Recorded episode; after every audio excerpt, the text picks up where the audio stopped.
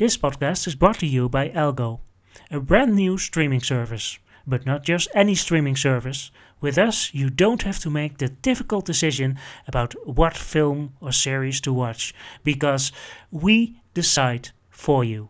We pick your first show or your first film, and then you're only allowed to watch whatever comes up in your algorithm. Good news, you're already subscribed. Check your mail. Have fun in your rabbit hole with Algo.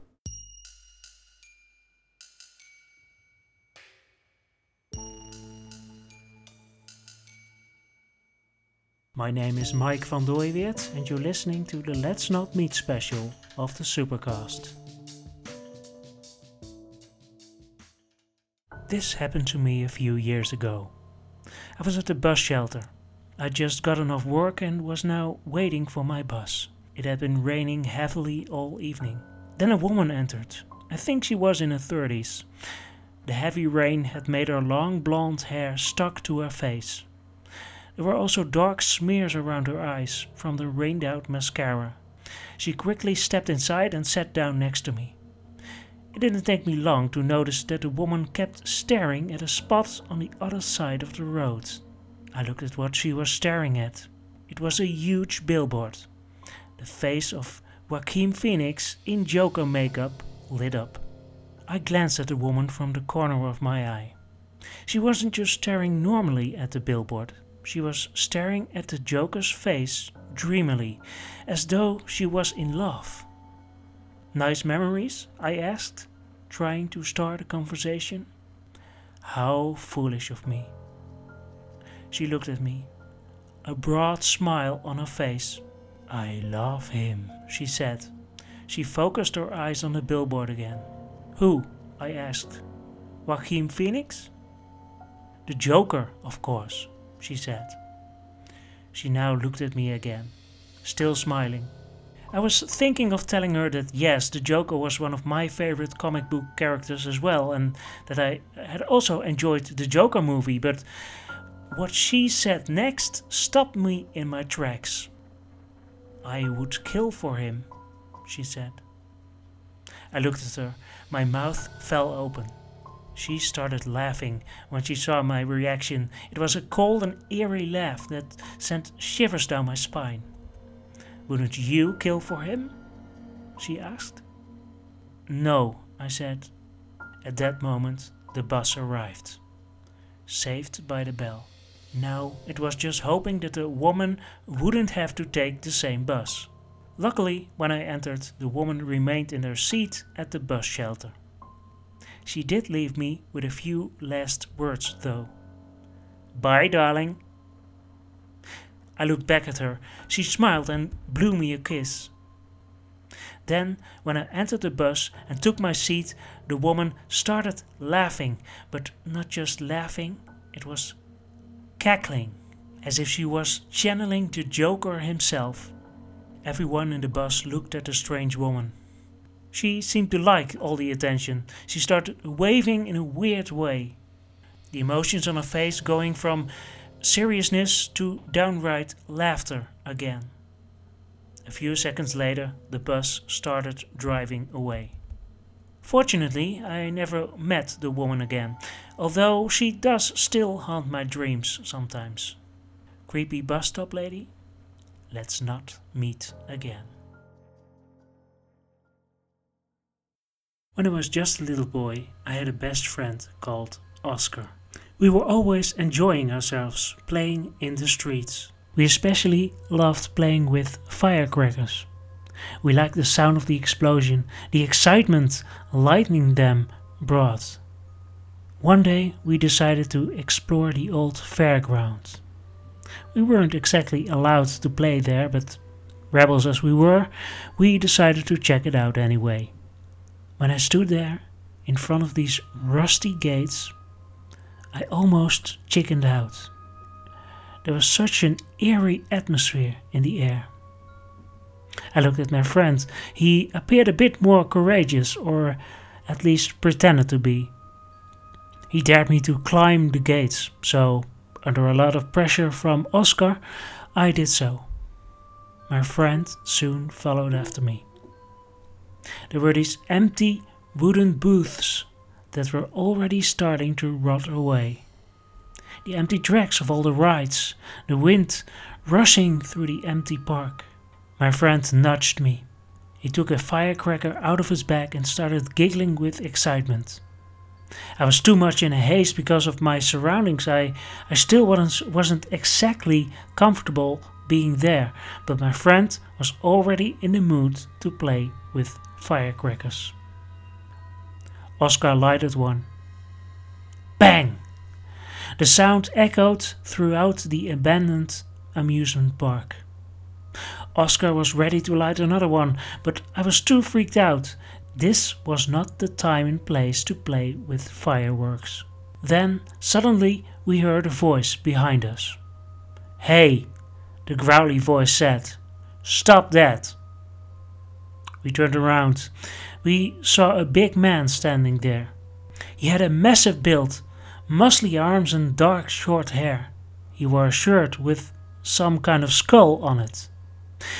But the most scary thing of all, he was holding a huge weapon.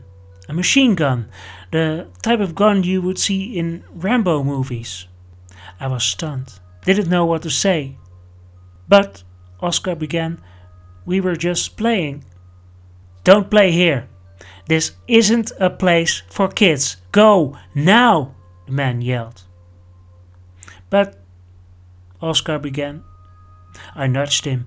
I didn't want to find out what this guy would do to us if we were to stay. The big guy held out a hand to my friend. And give me those firecrackers. They might just trigger bad memories, you know? Oscar who had been the bravest of us both up till now, started to tremble and gave the man all the firecrackers he carried on him.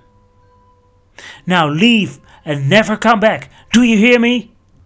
We nodded and started running towards the gate.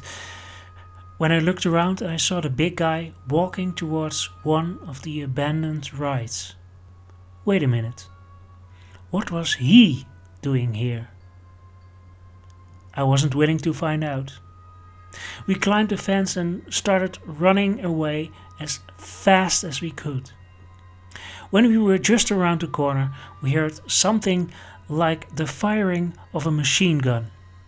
I'm pretty sure the man wasn't firing our firecrackers. It was only years later that I told the whole story to my parents. And even though some time had passed, my mom and dad were shocked and angry. They urged me to never ever set a foot in that park again. I think we already learned our lesson though. Big machine gun guy? Let's not meet. Do you ever have the feeling that your mattress is trying to kill you? Then you're probably using a mattress with memory foam.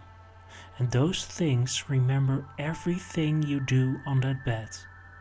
Everything you've done, every word you said, every liquid you've ever spilled, your mattress knows. Feels a bit unsafe, doesn't it? With the mattresses from Mivado, you don't have that problem. They aren't conscious and are still soft and comfortable. Sleep better, feel safer with Mivado.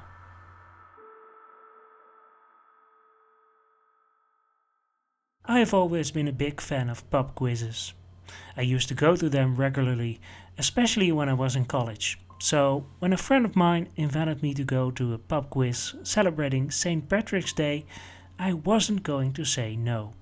It was a fun night. We had a couple of Guinnesses and were also somehow able to do very well on the quiz. We ended up in second place in the end. During the quiz, however, there was this guy who was sitting across the room with a few of his friends. They were all wearing fancy green jackets, which wasn't a weird thing during a St. Patrick's Day event, of course. This one guy, however, stood out because he kept staring at me all evening. He sometimes smiled. It was a very broad smile. His teeth were very white. Then, during one of the breaks, the guy came over to our table. He didn't say a thing, just handed me a piece of paper.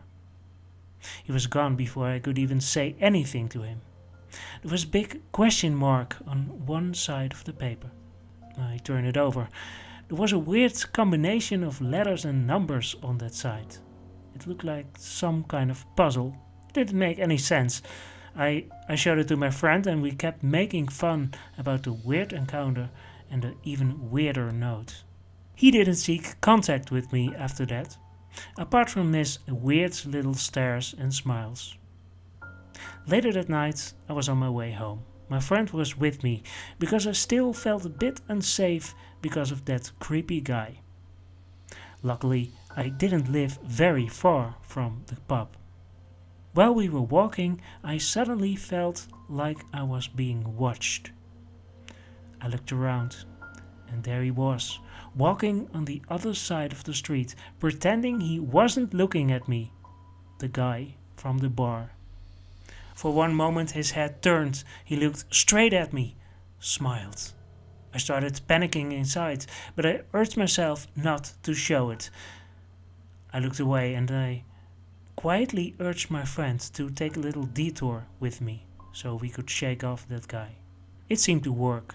When we walked the elaborate way back to my apartment, I noticed him following me a couple of times, but at one point we lost track of him. He had probably given up. I didn't see any sign of the guy in the green suit anymore. The next morning, however, when I was about to open the front door to go to the supermarket, I saw an envelope on my doormat. There was a question mark on it. A shiver went down my spine, so he knew where I lived now. I picked the envelope up and opened it. There wasn't a weird little puzzle this time, but an actual note. It read The solution to that riddle would have given you my phone number, but I'm probably way too intelligent for you anyway.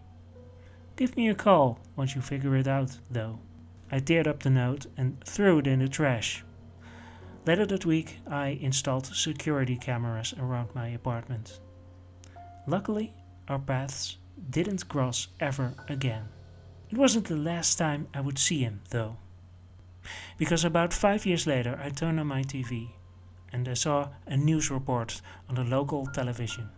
Some criminal had robbed a bank in an elaborate way, and there he was. On the screen. That same guy. This was the guy that had been smiling and staring at me that night. The guy who had given me the note.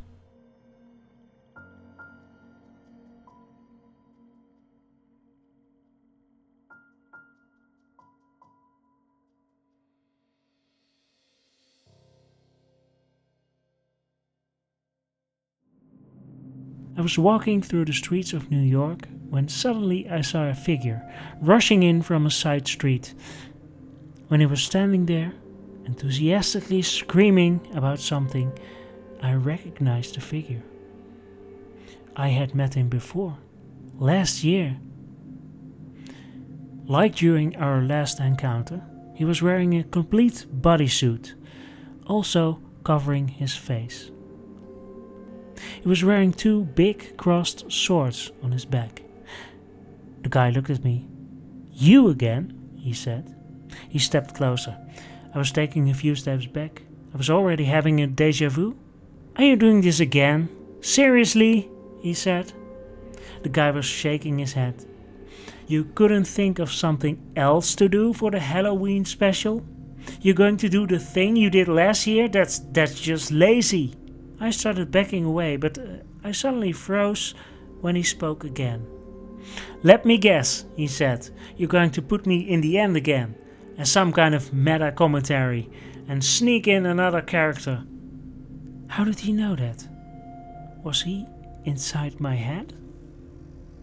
The guy nodded. Yes, he said. I am inside your head, but you're also just as predictable as a flagship Marvel movie.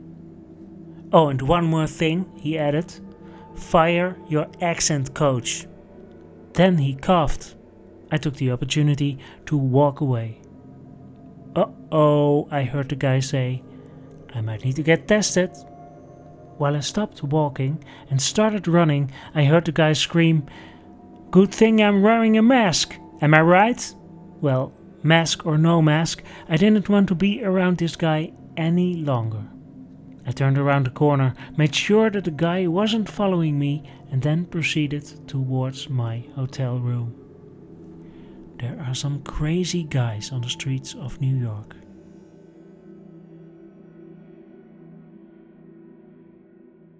En weer terug naar het Nederlands. Tot zover deze speciale aflevering van de Supercast, de Let's Not Meet aflevering. Vorig jaar maakte ik er ook alleen rond Halloween. Um, maar daar zaten toen nog geen fake commercials bij. En ik heb sowieso dit jaar heel veel plezier beleefd aan het inspreken van al die commercials en verhalen. Mocht je het niet weten, Let's Not Meet is oorspronkelijk een subreddit, op Reddit dus, waar mensen verhalen achterlaten over creepy encounters. In ieder geval is er ook een podcast van Let's Not Meet en dat is de podcast die ik in deze afleveringen probeer te parodiëren. Of eigenlijk is het meer een soort van uh, hommage. Maar mocht je benieuwd zijn, dan kun je ook eens op zoek gaan naar de Let's Not Meet podcast. De Supercast kun je vinden op audiogeeks.nl, Apple Podcast en jouw favoriete podcast app. En mocht je op Apple Podcast zijn, laat dan ook even een review achter. Wil je de podcast financieel ondersteunen? Dan kun je dat doen via patreon.com slash supercastpodcast. Binnenkort ben ik terug met een reguliere aflevering van de Supercast. Dan ga ik weer terug naar de wereld van Julia en de waarheid. Dan zal het gaan over 3D-printing en gadgets. Mijn gast is dan David Tromp, die een expert is op het gebied van 3D-printing. Ik zou zeggen tot de volgende keer.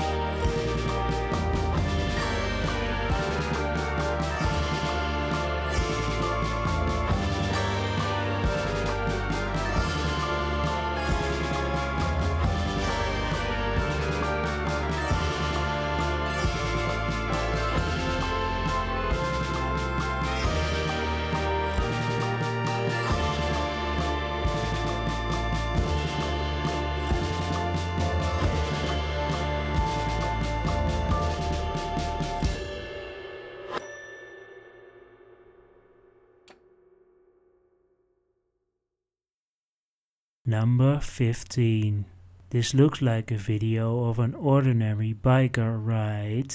Guess again. Because if you look closer, you will see that just for one moment an apparition appears on his face. You can also see a fiery bright light. What is happening here? Would you dare to hitch a ride with this guy? I certainly wouldn't. Why waste time brushing your teeth?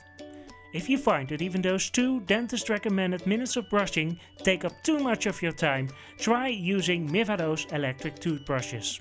They work on super speed, so you will be finished brushing your teeth before you even know it. Order now and get some free Mivado toothpaste that will leave your teeth extra white, extra fast.